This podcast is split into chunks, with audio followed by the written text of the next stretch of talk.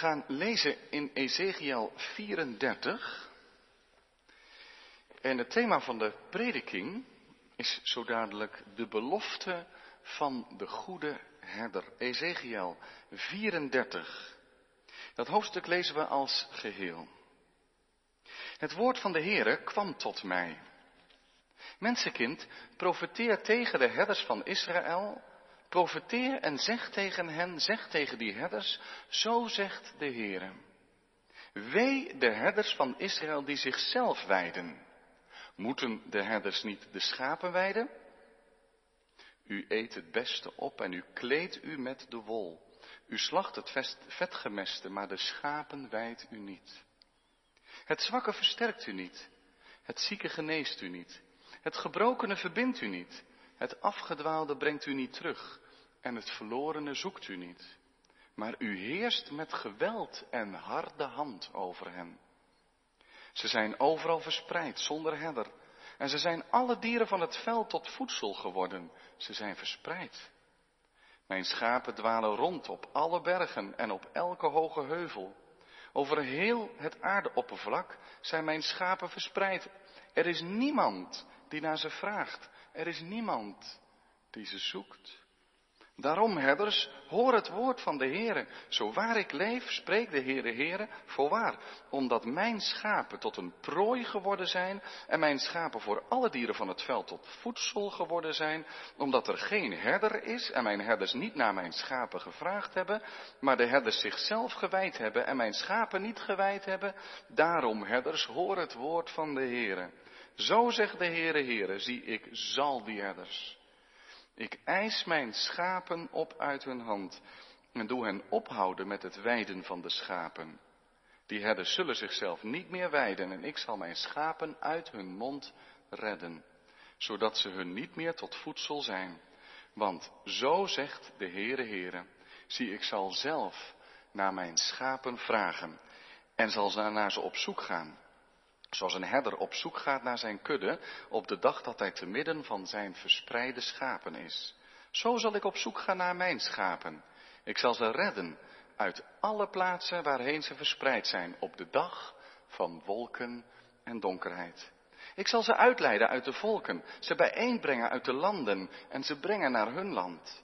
Ik zal ze weiden op de bergen van Israël, bij de waterstromen en in alle bewoonbare plaatsen van het land. In goede weiden zal ik ze weiden. En op hoge bergen van Israël zal hun weideplaats zijn. Ze zullen daar neerliggen in een goede weideplaats. En ze zullen grazen in de voortreffelijkste weide op de bergen van Israël. Ik zal zelf mijn schapen weiden. En ik zal ze zelf doen neerliggen, spreekt de Heere Heere. Het verlorene zal ik zoeken, het afgedwaalde zal ik terugbrengen, het gebrokene zal ik verbinden en het zieke zal ik versterken. Maar het welgedane en het sterke zal ik wegvagen. Ik zal ze weiden zoals het hoort. En u mijn schapen, zo zegt de Heere Heere, zie ik ga oordelen tussen schaap en schaap, tussen rammen en bokken. Is het te weinig voor u dat u de beste weide afgraast? Moet u het overige van uw weide dan met uw voeten vertrappen? En moet u het heldere water drinken en wat overblijft met uw voeten troebel maken? Moeten mijn schapen dan afgrazen wat uw voeten vertrapt hebben en drinken wat uw voeten troebel gemaakt hebben?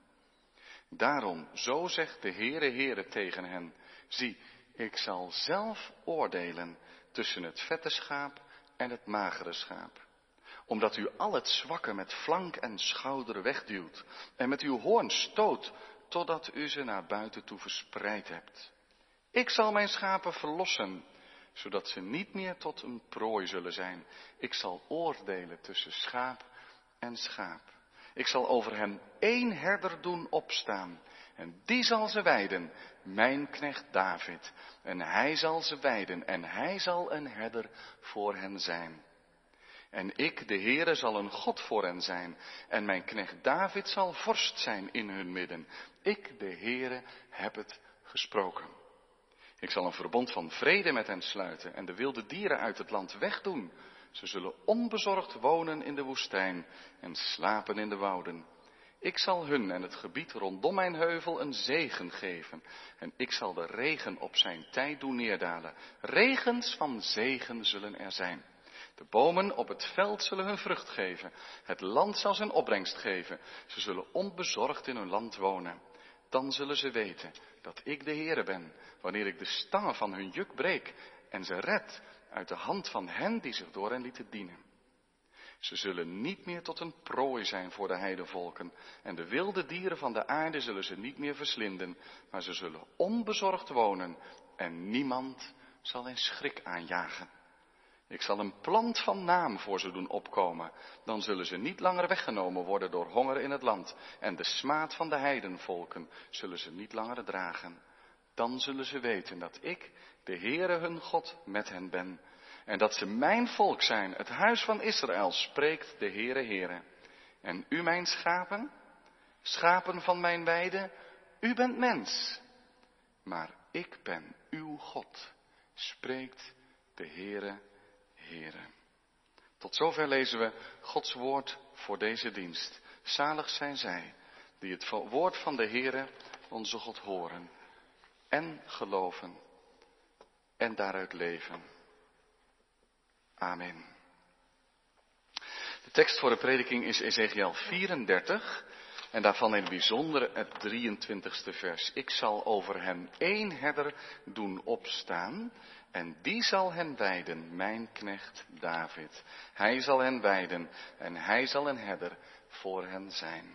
Gemeente van onze Heer Jezus Christus, jongens en meisjes, jongeren, allen die van binnen de gemeente en ook buiten de gemeente meekijken en luisteren. Het probleem wat op ons afkomt in Ezekiel 34 noemen we wel eens het recht van de sterkste of misbruik van de macht. Het is alom tegenwoordig in deze wereld. Het was het probleem toen, het wordt zelfs in Ezekiel 34 aangewezen als het probleem waardoor Israël in ballingschap is gegaan. Dus het was de kern van de zonde toen, zou je kunnen zeggen. Maar het is van alle tijden.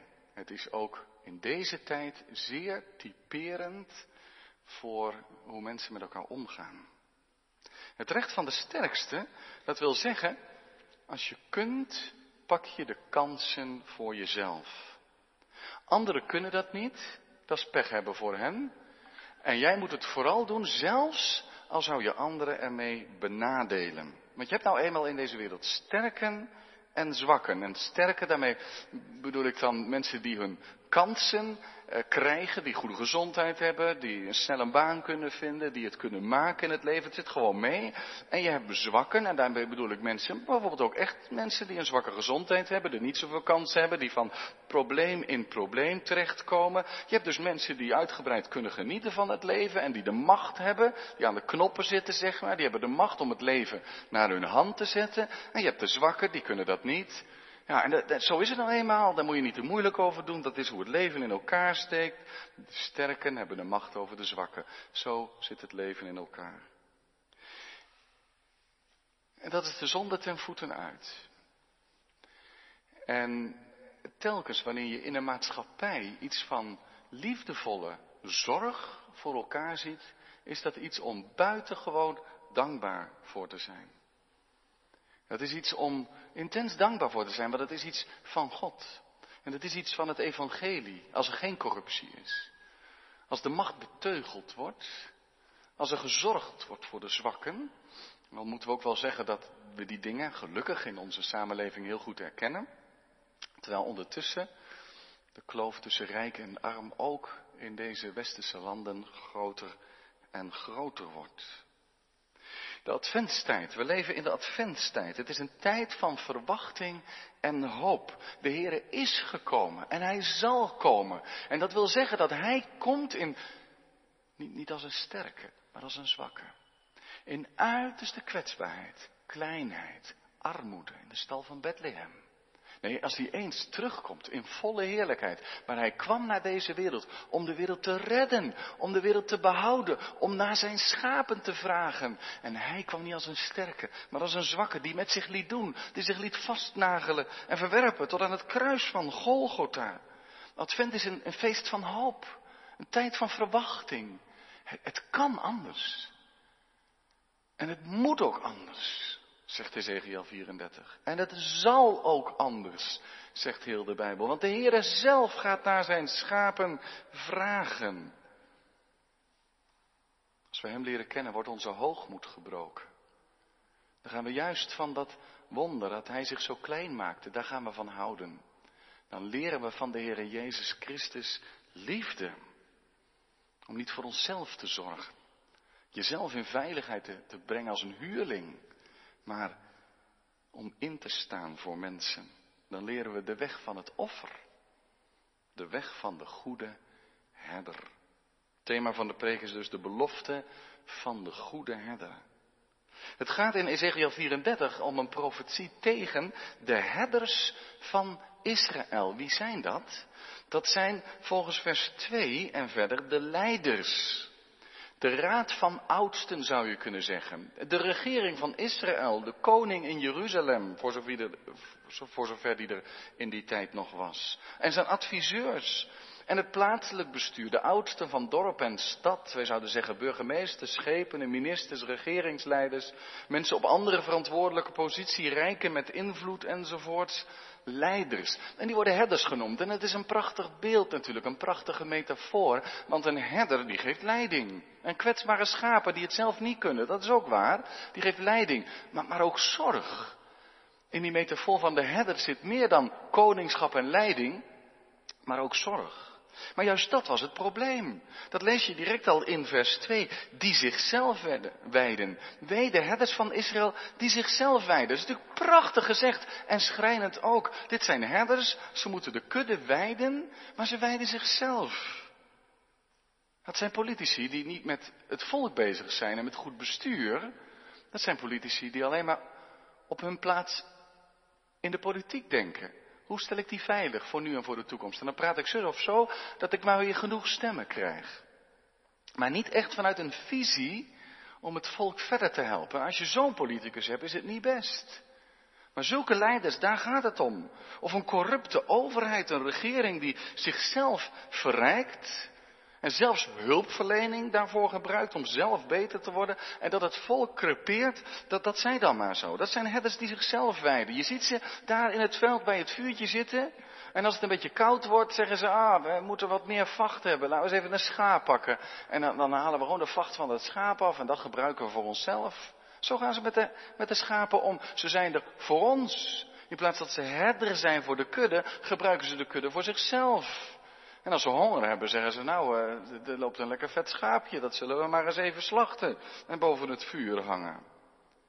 En, en zo wijden ze zichzelf. En wat ze niet doen, staat in vers 4. Het zwakke versterkt u niet, het zieke geneest u niet, het gebrokene verbindt u niet, het afgedwaalde brengt u niet terug en het verlorene zoekt, zoekt u niet. U heerst met geweld en met harde hand over hen. Dat doen ze. Maar hun taak die ze van God hebben ontvangen, voeren ze niet uit.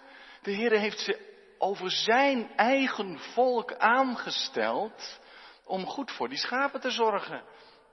En juist met heel veel ontferming te kijken naar het zwakke wat niet zo goed meekomt. En mensen die extra zorg nodig hebben. Zwakkenen, zieken, gebrokenen, afgedwaalden, verlorenen. Dat krijgt bijzondere aandacht van een herder. Maar u heeft dat niet gedaan. Die herders die zichzelf wijden, hebben gedacht, die, die, die sterke schapen, die doen het mooi. En de rest, ach, ja, wat maakt het uit? En in vers 6 staat zelfs, mijn schapen dwalen rond op alle bergen en op elke hoge heuvel. En daar zit misschien zelfs iets in dat, omdat de godsdienst in Jeruzalem vol corruptie was, het was niet goed meer, dat de mensen afgehaakt waren en gezegd hebben, nou dan gaan we maar op die heuvels waar de Baalsbeelden hun, hun offerplaatsen hebben. Dan gaan we daar maar naartoe. Maar daar heeft de leiding van Israël wel schuld aan. Schrijnend klinkt dan aan het einde van vers 6. Er is niemand die naar mijn schapen vraagt. Er is niemand die ze zoekt. En dan hoor je in die woorden hoeveel de schapen de Heere waard zijn. Het zijn wel zijn schapen. En daarom is hij woedend op die herders. En zegt hij, en ik zal die herders. En dat heeft hij ook gedaan, want toen het volk in ballingschap ging, waren de leiders van het volk het eerste en ze zijn nooit meer aan de macht gekomen. Nu, als je Ezekiel 34 dan verder leest en je komt bij de versen 17 tot 19, dan zie je dat het probleem niet alleen ligt bij de leiders van het volk. Maar het zit ook in het volk zelf. Ook tussen de schapen gaat het niet goed. Dus je kunt niet maar naar de leiders kijken, hen aanwijzen als ja, jullie hebben het fout gedaan. Nee, kijk ook naar jezelf. Want wat gebeurt er? Dan, dan komt daar zo'n zo'n kudde aan, die heeft daar een drinkplaats gevonden. En de sterke schapen, die zijn als eerst. Die zijn het snelst. En die doen zich te goed aan het heldere en frisse water. Maar ondertussen stappen ze met hun poten de modder omhoog en verandert dit allemaal in een geweldige modderpoel. En als uiteindelijk het gebrokene, het zwakke komt, dan is er geen fris water meer.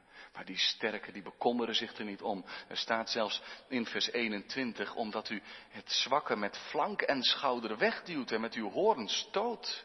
Snapt u, dat doen die sterken, die, die kunnen zo die zwakken even aan de kant stoten, zodat ze zelf het goede, het beste hebben. Zo zit het in elkaar. Vers 18, lees het nog maar eens rustig door. De wereldgeschiedenis in één zin. Het zwakke moet het ontgelden. Kan niet voor zichzelf opkomen. En de mensen die de macht hebben en ook de rechtspraak moeten regelen, als die zich niet over het zwakke ontfermen, dan zijn ze vogelvrij. En God zegt in Ezekiel 34, het was tijd. Het is tijd dat ik het recht zet. En dan zegt hij in vers 11, het is zo prachtig mooi, wat, want zo zegt de Heere, Heere, zie ik zal zelf naar mijn schapen vragen en naar ze op zoek gaan. Ik had er herders voor aangesteld, maar die hebben gefaald. Mijn eigen volk gekozen, herders erover aangesteld. Zij hebben gefaald. Nu zal ik zelf komen, al moet ik er de hemel voor verlaten. Ik zal zelf op zoek gaan, want het zijn wel mijn schapen. Ik heb mij aan hen verbonden en ik laat ze niet zomaar verstrooid over de wereld gaan. Ik ga mijn schapen bij elkaar verzamelen. Ik ga erop uit, ik ga naar ze op zoek. En dat is genade. Want dit hoofdstuk, Ezekiel 34, staat na 33 en 33 gaat over de verwoesting van Jeruzalem. Daar is zowat een punt gezet. Achter de genade van God. Allemaal aan jezelf te danken. Maar dan komt het toch nog weer. Ezekiel 34.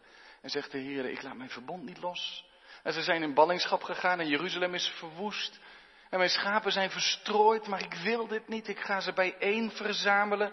Ik laat niet los wat mijn hand begon, al moet ik er zelf op uitgaan. Ik ga. En dan zal ik oordelen, dan gaat het door het oordeel heen. Dan gaat hij dat machtsmisbruik veroordelen. En die herders die verkeerd gewijd hebben, die zichzelf gewijd hebben, die zullen ervan lusten. Die komen onder het oordeel van deze goede en grote herder. En die zwakken, die altijd weggeduwd zijn, die zal hij dan naar voren brengen en zegenen. Dan gaat hij zich ontfermen. Je leest daarover in vers 13 tot en met 15. En als je die teksten goed leest, wat dat ontfermen en dat zoeken van die goede herder betekent, dan zie je allereerst dat het is bijeenbrengen wat uiteengedreven is. Dus die, die kudde ligt uit elkaar, die moet samen. Dat is het eerste. Tweede, je gaat ze weiden en voeding geven. Dat is het tweede, je zorgt dat ze het goed hebben. Met de liefde van je hart, dat doet een herder. En het derde, dan ga je kijken naar elk afzonderlijk schaap. Is er ergens iemand die hulp nodig heeft? Een gebroken pootje? Een zwakke gezondheid, dan gaan we verzorgen en koesteren. Dat doet een goede herder. Bijeenbrengen, wijden, verzorgen. Dat is wat de Heer gaat doen. In zijn onbevattelijke genade. Hij zelf. En eigenlijk van dat, ik zelf zal naar mijn, naar mijn schapen vragen. De hele adventstijd hangt aan die woorden. De hele Bijbel hangt eraan. Want Keer op keer is heel de Bijbel een geschiedenis van falen van mensen die de Heer op belangrijke plaatsen neerzetten.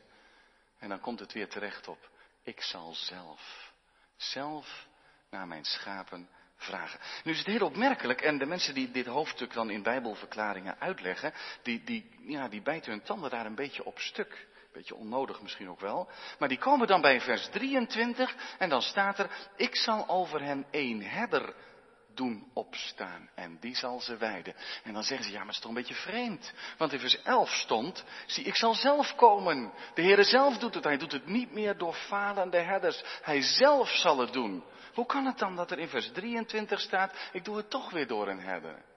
Sommigen zeggen dan, ja, ja, misschien is die tekst eerst, eerst ergens anders gestaan en is hierbij geplaatst. Dat zou die breuk dan verklaren die in de tekst zit. Nee, die kant hoeven we het niet op te zoeken. Want als je bedenkt wie die herder is, dan blijft nog steeds volledig staan dat God zelf naar zijn schapen vraagt. Hij zegt, ik zal zelf naar hen op zoek gaan. En met dat de Heer Jezus geboren is in de nacht van Bethlehem, vraagt God naar zijn schapen. Zeg, zou het daarom misschien zijn dat de herders de eerste getuigen van de geboorte worden? Heeft dat misschien ook iets met Ezekiel 34 te maken? De Heere zelf gaat naar zijn schapen vragen.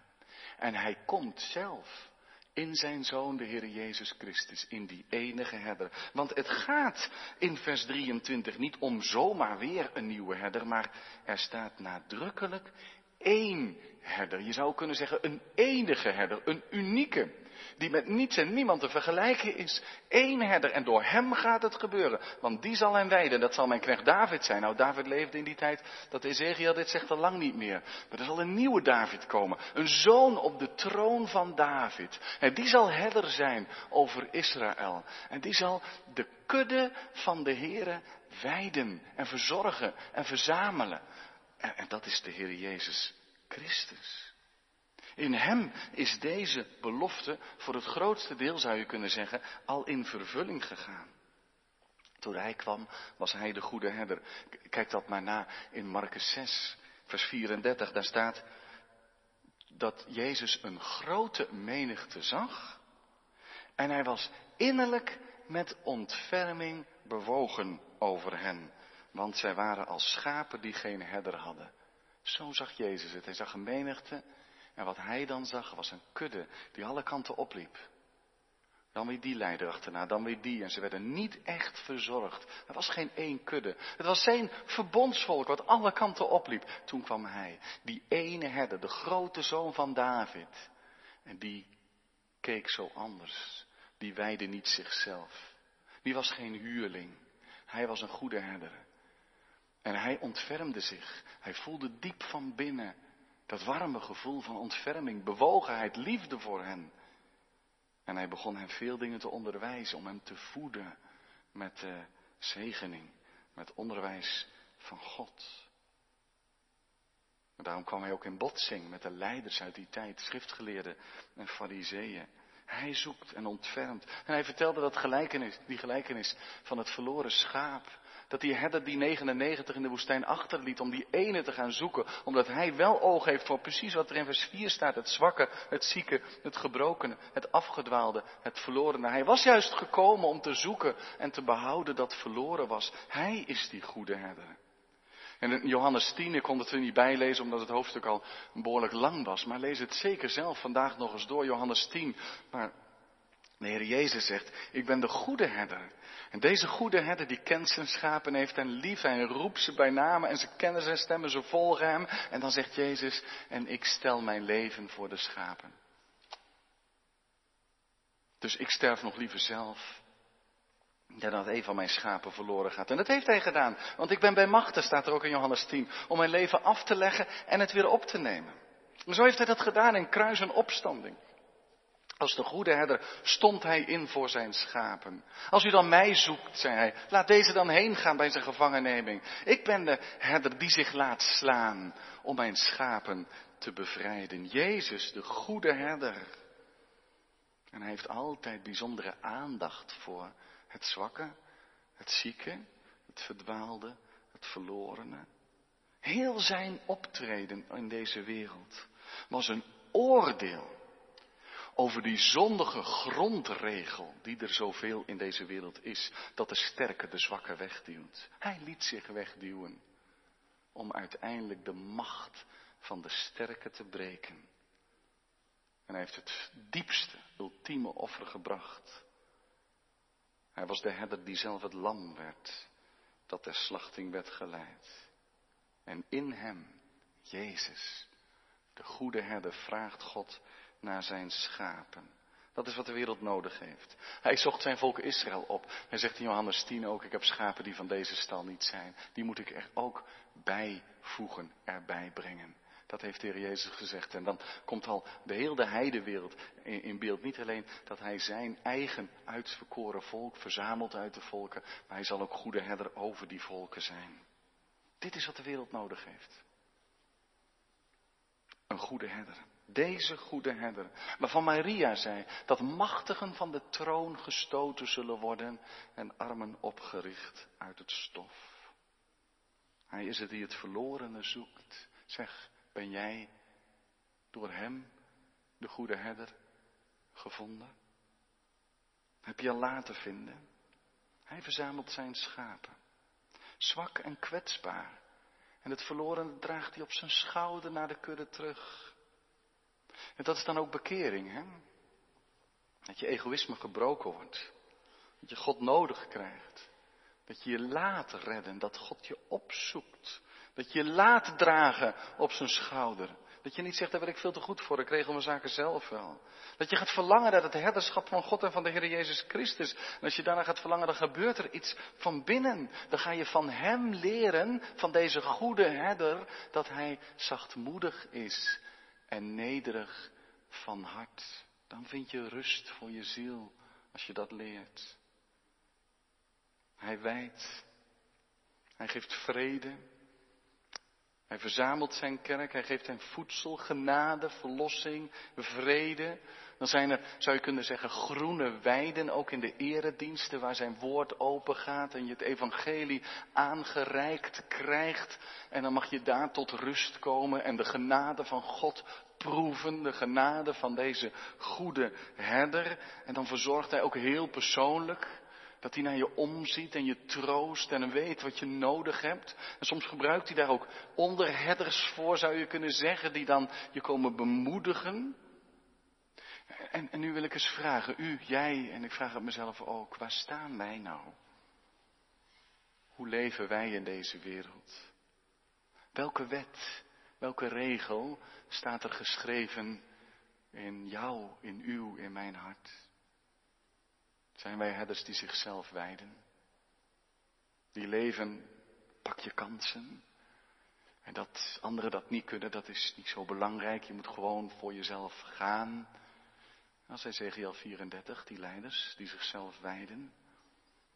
Of horen we bij de kudde van de Heer Jezus Christus, zo onder de indruk van die goede herder, dat we daar zelf ook iets van leren. Dat we herder zijn op verantwoordelijke posities. In politiek, bestuur, in het ambt, in Gods koninkrijk, in hulpverlening. En gewoon in dat dag, dagdagelijkse leven, welke werk we ook hebben, hoe we, waar we ook wonen, dat je herdert, wijdt. En niet alleen eh, in leidinggevende posities, maar ook de schapen onderling. Hoe is dat in de kudde van onze gemeente? Zorgen we voor elkaar? De, de levendigheid, de gezondheid, ja, want wanneer is een gemeente gezond? Dan heeft dit ook mee te maken dat er onderlinge zorg is. Verbondenheid, oog voor elkaar, liefde, zorgzaamheid, meeleven. En als ik dat soms merk in de gemeente, dan doet het zo goed. En dat vertroost, wat is dat belangrijk? Juist de zwakken, de mensen die moeilijker mee kunnen, die krijgen des te meer eer en aandacht. Werkt het evangelie zo door in onze gemeente? Dat er ontferming is voor elkaar. Maar ook naar buiten toe. Als we bezig zijn Gods koninkrijk te zoeken in deze wereld, dan leef je herderlijk. Als onderherder van de Heer Jezus Christus. En het offer wat hij bracht, wat hem zo die goede herder maakt. Dat offer is alles bepalend voor ons christelijk leven. We leven offerbereid. Dat wil zeggen, bereid om het voor een ander te doen. Bereid zelfs niet om wat te geven van overvloed, maar een offer te brengen. Om je leven te stellen voor anderen. Om te dienen. Om lief te hebben. Om te ontfermen. Zal dat geen getuigenis geven vanuit een christelijke gemeente in deze toch wel kille maatschappij? Liefde, ontferming. Niet jezelf wijden in deze wereld, maar de schapen zoeken met de ontferming van Jezus Christus. Zie je hoe de belofte van de goede herder hier al in Ezekiel 34 naar voren komt. Die enige herder die komen zal. Dat zijn er veel passages in het Nieuwe Testament die daarna terugverwijzen. Hij die als de goede herder komt. Maar het is nog niet helemaal vervuld. Het is grotendeels vervuld in de Heer Jezus Christus. En nu wordt het nog vervuld als zijn gemeente als een kudde, maar tegelijk ook als herders leeft in deze wereld. Maar als Christus terug zal komen, dan zal Ezekiel 34 volledig in vervulling gaan. Ook die gedeelten die over zoveel vrede spreken. Dat de Heer zorgt, een verbond van vrede zal geven. Dat zal dan geheel en volledig zijn. Dan is er ook het oordeel. En dat is niet mals. Dat is een zeer ernstige zaak dat God op die oordeelsdag de dingen recht zet. Als je dan volgens die grondregel van de zonde geleefd hebt, dan ziet het er niet goed uit. We kunnen alleen bestaan onder de zorg en bescherming van de goede herder. Geloof in de Heer Jezus Christus en u zult behouden worden.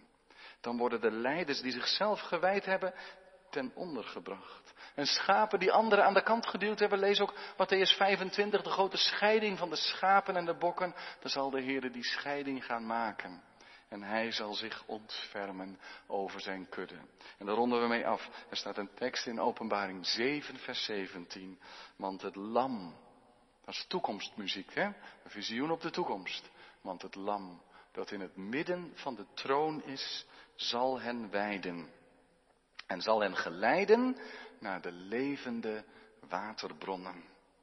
En God zal alle tranen van hun ogen afwissen. Die tekst lees ik nog een keer.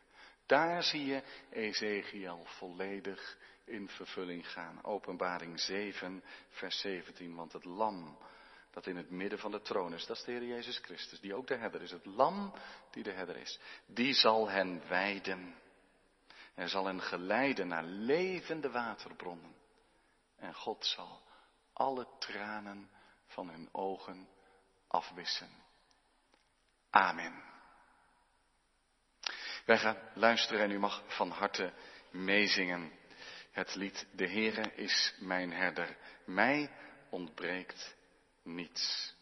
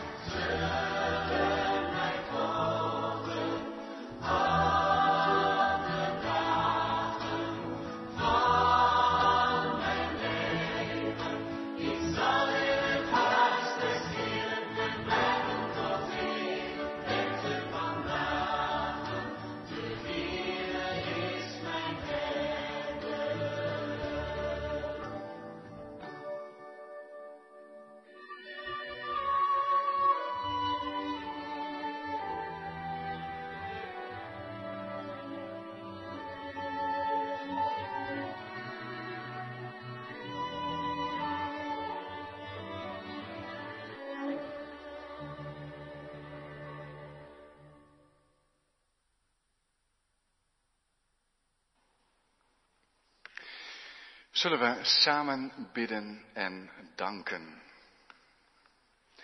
Heren, wij komen tot u, grote genadige God en Vader in de hemel. We willen u danken dat u zelf naar uw schapen kwam vragen. Dat u uw zoon zond, de Heer Jezus Christus, en dat u in hem zelf kwam, omdat u de hemel wel wilde verlaten uit liefde voor uw schapen. verdwaald en verstrooid als ze waren. Dat u ze bijeenverzameld hebt en nog doet uit de volken, uit alle hoeken van de aarde. U bent die goede herder die het leven stelt voor de schapen. Heren, we kunnen u niet genoeg danken voor dat wonder van genade en van, van, van redding. Er is een verlosser. U, Heer Jezus Christus, nu hebben we nodig, heren. En geef dan door de genade van Jezus Christus dat in ons hart, heren, dat, dat recht van de sterkste gebroken wordt. En dat we ontdekt worden aan onze zonde en schuld, dat we zo gemakkelijk gaan voor onszelf. Heren, wat een zegen als u dat breekt. En er liefde komt, als egoïsme gebroken wordt, een hoogmoed, zelfzucht. En dat er in ons hart liefde komt voor onze naasten. Liefde voor andere schapen. Dat we het koninkrijk van u zoeken. Heren, we bidden in het bijzonder ook, heren, voor dat deel van de kudde wat moeilijk mee kan komen. Wat moeite heeft met geloof. Dat allerlei vragen heeft waar niet doorheen gekomen wordt. Wij bidden voor hem. We bidden, heren, voor, voor de velen die ziek zijn. Die worstelen met uh, problemen in de gezondheid. Die herstellend zijn of die nog zich voorbereiden op een operatie. Heren, wees u nabij. Ontfermt u zich. Heer, het, is, uh, het kan een hele zenuwachtige tijd zijn. Denk aan Judith, die op 15 december de operatie moet ondergaan. Denk aan Mary, die nog herstellende is. Denk aan Reinhild, die ook zoveel gezondheidsmoeite ondervindt. We denken aan de anderen, die om welke reden ook tegen problemen aanlopen, ook in het ouder worden, moeite ondervinden of chronische pijn hebben. Heere, wees u nabij. Heer, geef uw troost. Mag het ook zijn vanuit deze dienst en ook vanaf vanmiddag weer, dat er troost is en dat we in de diensten ook iets merken van die goede herder, u Heer Jezus, dat u erbij bent. En dat u het verlorene dan zoekt, maar dat u ook de zogenden zachtjes leidt en in uw armen draagt. Heer, uw ontferming is ons alles waard. Daar moeten we het van hebben, Heer. Vernieuw ons leven. Geef dat we een gemeente mogen zijn die weliswaar niet samenkomt. Maar het gemeente zijn gaat door, ook in de plaats die u ons geeft in de maatschappij. Daar heeft u uw volk, die als lichtend schijnt in een donkere wereld. Heere, geef dat we herderlijk en met ontferming mogen leven. Heere, we bidden voor het werk in uw koninkrijk. Er zijn zoveel gemeentes die het heel moeilijk hebben in deze tijd. Wees u nabij, heren. Wilt u op ongedachte wijze zelfs. Boven een bidden en denken uw gemeente bouwen en, en nieuwe aan toevoegen. En zo bidden we ook voor het flyeren van 19 december. Mag dat ook iets doen, dat mensen op het spoor van uw woord en uw kerk worden gezet. We bidden voor de gemeente Barcelona. Waar ook zoveel beperkingen zijn. Maar wilt u daar ook wijsheid geven aan de, aan de oudsten, ook aan Guido. Geef zegen in het werk. Heer, geef vertroosting. En mogen ze ook merken dat de gemeente daar aan elkaar verbonden blijft en ook mag groeien. Heer, de zegen het werk wat ze doen.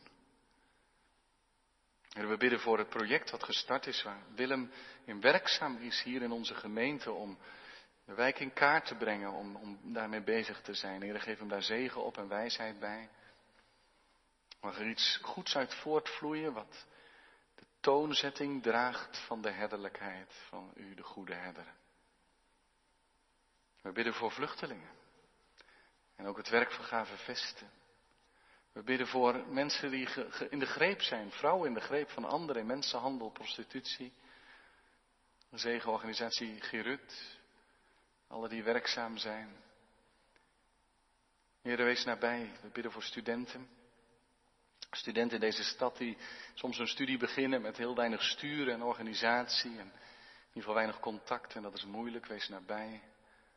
Wees bij de jongeren, als de lessen op school anders gaan. Zeggen het werk van de studentenvereniging Ichtes. En de studentenwerkers, de leidinggevende, de voorzitter. Alle bijbelstudiegroepen. Heer, geef uw zegen. Heer, wij zijn gebonden aan alle kanten. Maar het woord van u is niet gebonden en u bent ook niet beperkt in uw mogelijkheden, want u bent almachtig en soeverein en een God van, van glorie en van trouw. Heer, zoek ook uw schapen in deze tijd. Tegen ons ook vanmiddag als we opnieuw de schriften openen en u ontmoeten in een eredienst, wees nabij, Heer. En ontvang de lof en de, en de eer. Want u bent het waard tot in eeuwigheid die glorie en eer te ontvangen. In Jezus' naam. Amen. Wij gaan zingen samen het lied Er is een verlosser, Jezus, Zoon van God, kostbaar lam van God, Messias, heilig God is Hij.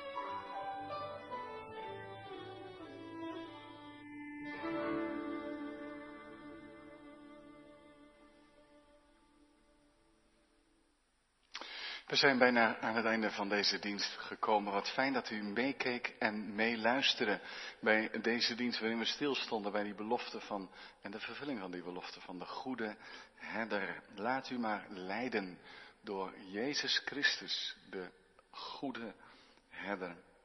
Na de zegen klinkt zodat ik eh, Psalm 80 van de Sons of Korah, Engelstalig, maar Psalm 80 gaat over een gebed om de herder van Israël, om zijn toch weer om te zien naar zijn volk. dat klinkt zo dadelijk. Uh, u heeft ook de gelegenheid de Heer met uw gaven te dienen. Er verschijnt straks op het scherm een QR-code, ook een bankrekeningnummer. Voelt u zich niet verplicht, zeker niet als u te gast bent bij deze dienst. Maar het is een gelegenheid voor de gemeenteleden um, en betrokkenen om eh, de kerk te blijven ondersteunen met hun gaven. Dat verschijnt straks op het scherm. En vanmiddag om half vijf is er een zondagschool en dan is er ook hier weer een uh, dienst die live uitgezonden wordt. En dan lezen we Genesis 38 en het beginstukje van Matthäus 1. Ontvang dan nu met biddende harten Gods zegenen. De Heere zegene u en hij behoede u. De Heere doe zijn aangezicht over u lichten en zij u genadig. De Heere verheffen zijn aangezicht over u en geven u vrede. Amen.